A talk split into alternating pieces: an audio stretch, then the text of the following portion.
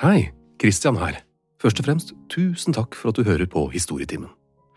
Det å lage disse episodene tar veldig mye tid, og hittil så har jeg jo bare kunnet gjøre dette her på fritiden og i helger og på kvelder. Og da blir det jo ikke så mange episoder i året. Men hvis jeg kunne gjort det på dagtid, da kunne det plutselig blitt en god del flere. Men det er jo avhengig av støtte, så derfor lurer jeg på følgende. Kunne du vært interessert i å betale en liten sum for å høre på Historietimen? La oss si 29 kroner i måneden, eller 49 kroner i måneden, eller ja. Svaret skriver du rett i Spotify-spilleren din hvis du bruker Spotify, og hvis du bruker en eller annen spiller, så send gjerne en mail til hei at gjenklangstudio.no med svaret ditt.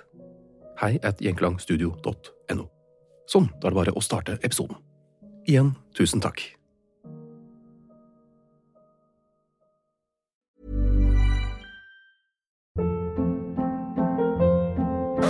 Hold up. What was that? Boring. No flavor. That was as bad as those leftovers you ate all week. Kiki Palmer here, and it's time to say hello to something fresh and guilt-free. Hello Fresh. Jazz up dinner with pecan-crusted chicken or garlic butter shrimp scampi. Now that's music to my mouth. Hello Fresh. Let's get this dinner party started. Discover all the delicious possibilities at hellofresh.com. Hey, I'm Ryan Reynolds. At Mint Mobile, we like to do the opposite of what Big Wireless does. They charge you a lot, we charge you a little. So naturally, when they announced they'd be raising their prices due to inflation, we decided to deflate our prices due to not hating you. That's right. We're cutting the price of Mint Unlimited from $30 a month to just $15 a month. Give it a try at mintmobile.com slash switch. $45 upfront for three months plus taxes and fees. Promo for new customers for limited time. Unlimited more than 40 gigabytes per month. Slows. Full terms at mintmobile.com. Millions of people have lost weight with personalized plans from Noom, like Evan, who can't stand salads and still lost 50 pounds. Salads, generally, for most people, are the easy button, right? For me, that wasn't an option. I never really was a salad guy. That's just not who I am. But Noom worked for me. Get your personalized plan today at Noom.com. Real Noom user compensated to provide their story. In four weeks, the typical Noom user can expect to lose one to two pounds per week. Individual results may vary.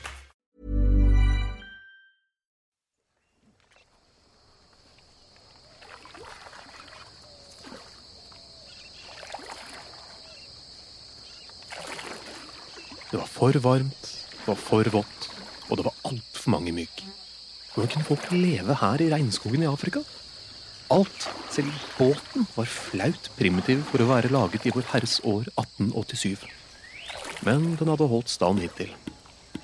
Elven snodde seg frem og tilbake, og det hadde tatt uker å kjempe seg gjennom jungelen. Det var ikke få ganger Louis Gustave Banger hadde angret på at han hadde forlatt Paris og tatt på seg oppdraget med å utforske Nigerelven. Men ifølge kartet ville snart være ute av denne gudsforlatte regnskogen. Snart ville de komme til et utkikkspunkt, og deretter ragende høye fjell så langt øyet kunne se. Åh, som han lengtet etter å komme opp i høyden, og vekk fra den myggen.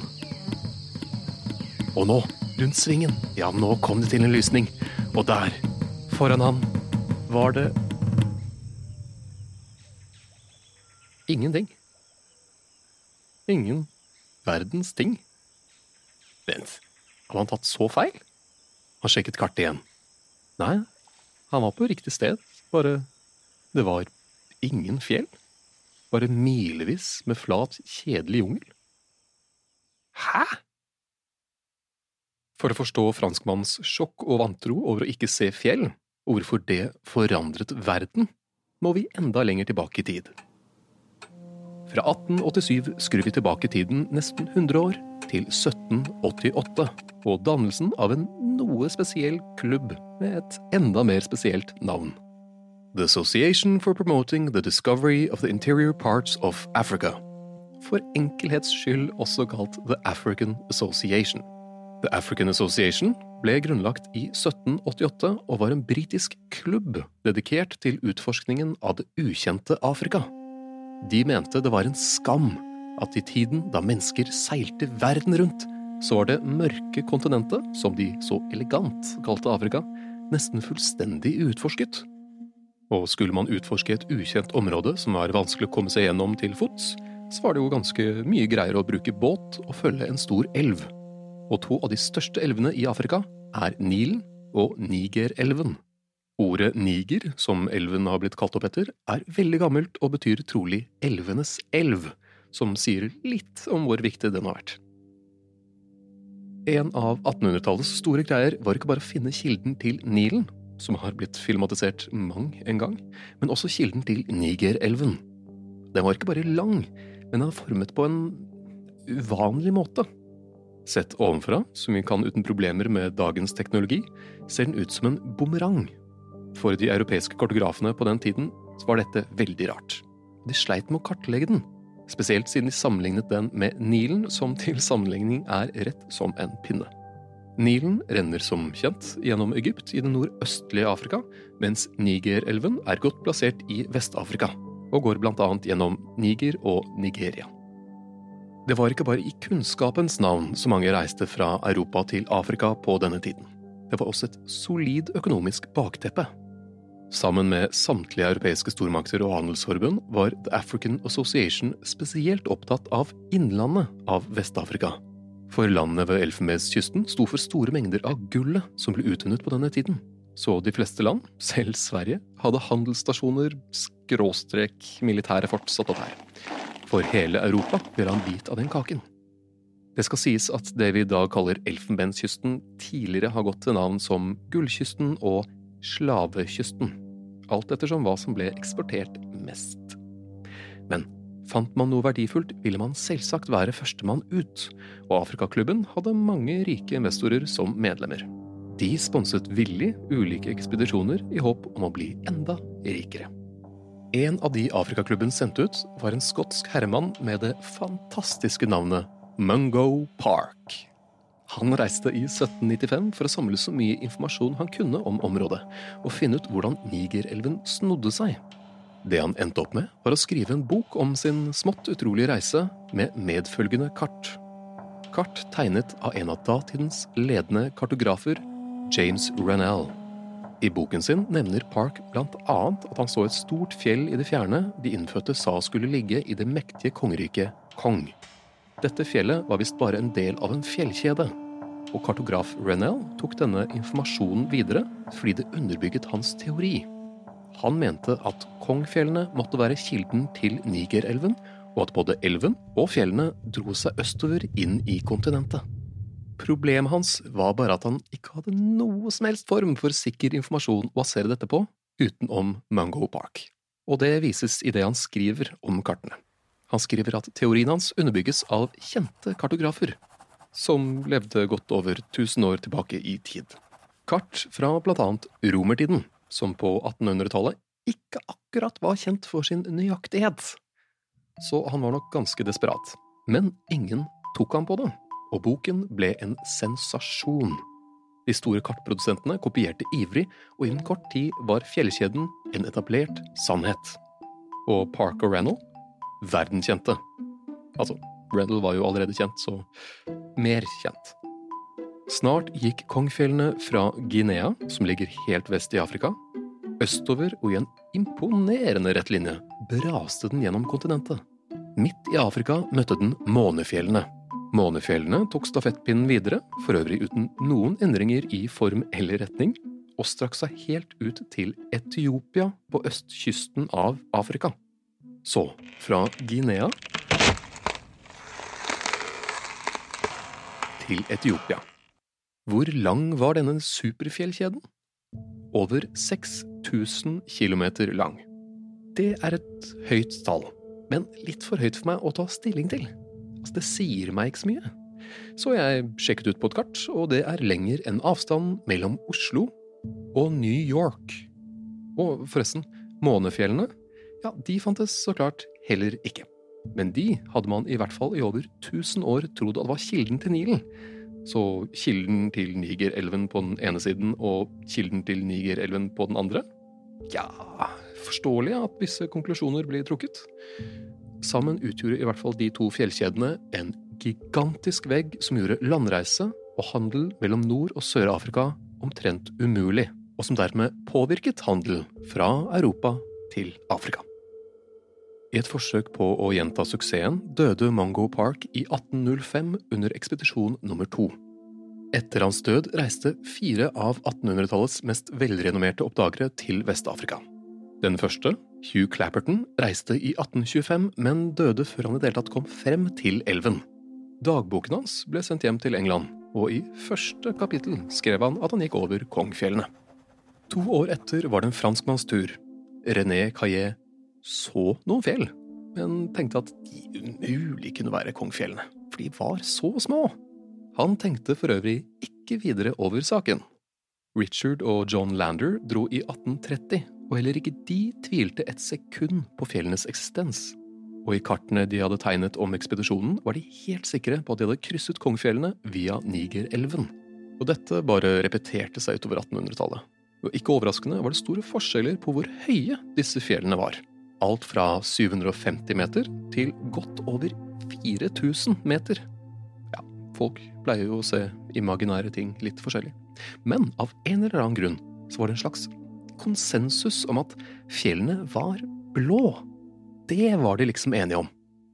Nå lurer du kanskje på hvorfor oppdagerne ikke bare tja, spurte de innfødte, de som bodde der, men det gjorde de.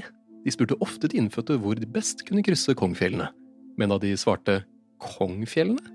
Hvilke fjell? Så ble det skrevet ned som De innfødte her vet overraskende lite om sitt eget land. Men på slutten av 1800-tallet skjedde det noe dramatisk. Louis Gustave Banger, altså han vi ble kjent med i innledningen, han ble sendt av Frankrike for å være med på dette kartleggingsracet. Han hadde fint lite erfaring med oppdagelsesreiser fra før, og var mer en regelrytter enn noe annet. Han skulle blant annet hjelpe til med å finne ut hvilke områder der nede som franskmennene skulle ha, og hvilke britene skulle ha. Trivelig. Men all informasjon om det mørke kontinentet var jo ekstremt verdifullt. Og informasjon kom han tilbake med, ja. Han begynte ekspedisjonen sin i 1887, altså 92 år etter Mango Park. Og da han kom tilbake, snudde han opp ned på alt. Altså rett ut at denne fjellkjeden vi har trodd blindt på i nesten 100 år, ja, nei, ja, nei den fins ikke. Tenk å finne ut at noe på et kart plutselig ikke eksisterer lenger. Jotunheimen? Nei, den fins ikke. Glomma? Aldri hørt om. Men ble Kongfjellene da visket vekk fra kartene sånn? Mm, nei, de var ikke så lette å bli kvitt, de Kongfjellene. De var til stede på kart frem til 1928, da det ble vist i det svært så velrenommerte Oxfords Advanced Atlas. altså, i godt over 100 år trodde folk på en fiktiv fjellkjede. Men hvordan?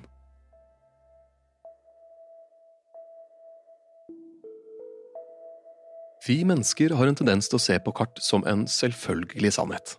Så klart er det en øy der. Selvsagt går den grensen der. Det er jo det som er på kartet. Man stiller jo ikke spørsmål ved et kart. Selv på barneskolen lærer vi det. Med kart og kompass så er det trygg. Hele poenget med et kart er jo at det er representativt for hvordan verden ser ut, er det ikke? Men kunne man dra tilbake i tid og vist nåtidens kart over Europa til for eksempel en romer i romertiden, ville vedkommende bare sett rart på deg. For de hadde en helt ulik tolkning av ting enn oss. Størrelsen på steder på kartene deres hadde ikke så mye med folketall eller kvadratmeter og sånn å gjøre, men hvor viktig stedet var, Politisk, religiøst, strategisk. Se bare på et kart som heter Poitinger-kartet. Det ligger vedlagt under episodeinformasjonen. Poitinger-kartet er et kart over Romerriket hvor Middelhavet ser litt snodig ut. Og det er ikke så rart, for kartet er nemlig syv meter langt, men bare 30 centimeter bredt.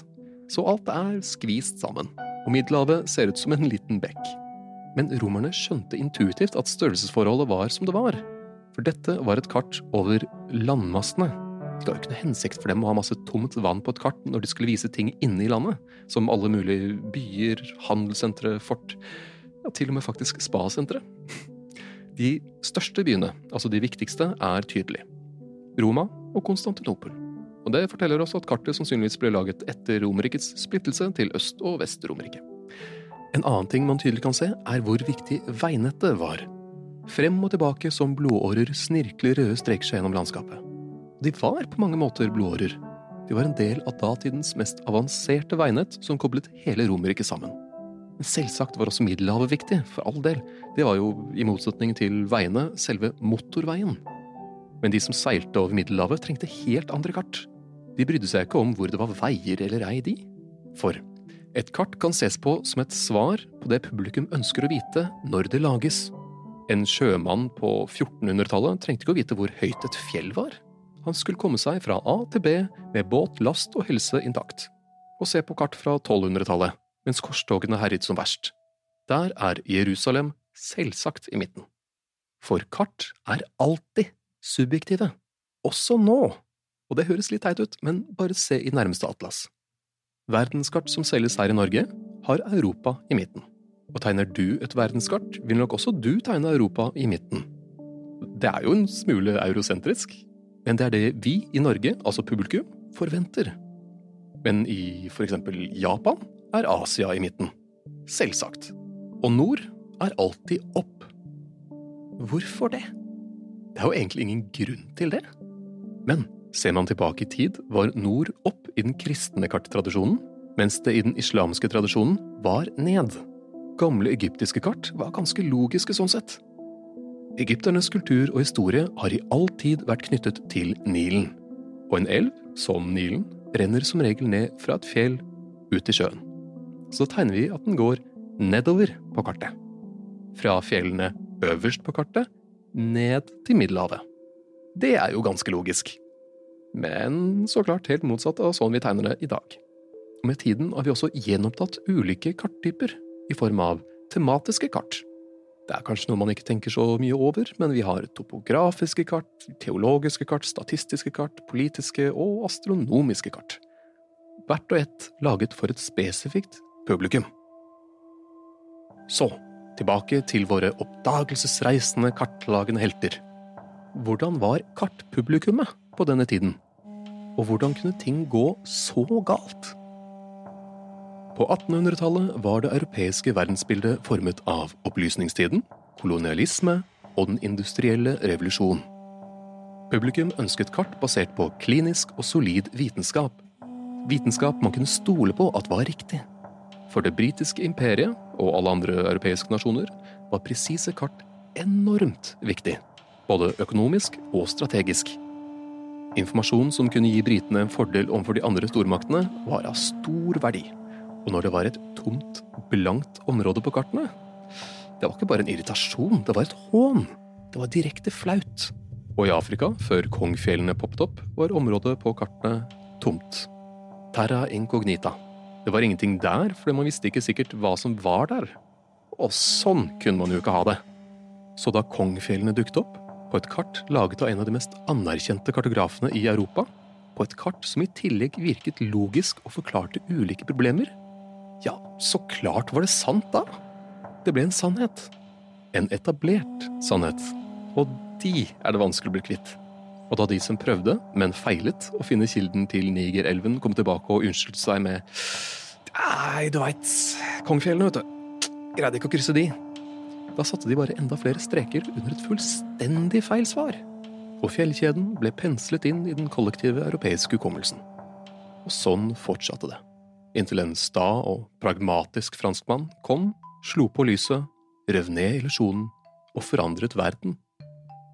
Så, avslutningsvis, oppdageren Louis Gustave Banger, helten i denne historien. Mannen som på den eneste ekspedisjonen han var med på, fikk æren av å fjerne Kongfjellene fra kartene, og som dermed går inn i bøkene som en av 1800-tallets mest innflytelsesrike oppdagere. Satt litt på spissen er han ikke kjent for å ha oppdaget noe, men for å ha oppdaget ikke noe. I episodeinformasjonen finner du de ulike kartene jeg har nevnt, og tips til videre lesning.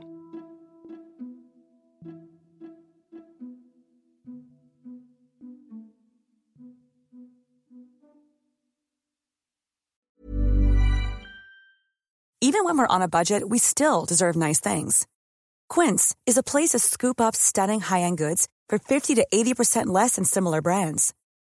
They have buttery soft cashmere sweaters starting at $50, luxurious Italian leather bags, and so much more. Plus, Quince only works with factories that use safe, ethical, and responsible manufacturing. Get the high-end goods you'll love without the high price tag with Quince.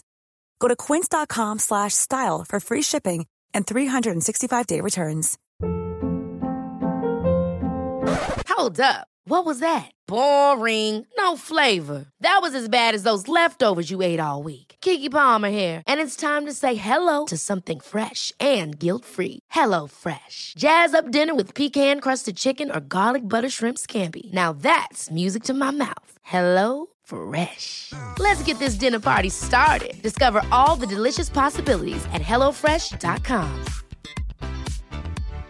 When you make decisions for your company, you look for the no brainers. And if you have a lot of mailing to do, stamps.com is the ultimate no brainer. It streamlines your processes to make your business more efficient, which makes you less busy.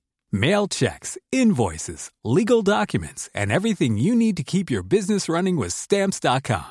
Seamlessly connect with every major marketplace and shopping cart. Schedule package pickups and see your cheapest and fastest shipping options from different carriers with rates up to 89% off USPS and UPS rates. And with the stamps.com mobile app, you can take care of mailing and shipping wherever you are. Make the same no-brainer decision as over 1 million other businesses with stamps.com. Sign up with code program for a 4-week trial plus free postage and a free digital scale. No long-term commitments or contracts. That's stamps.com. Code program.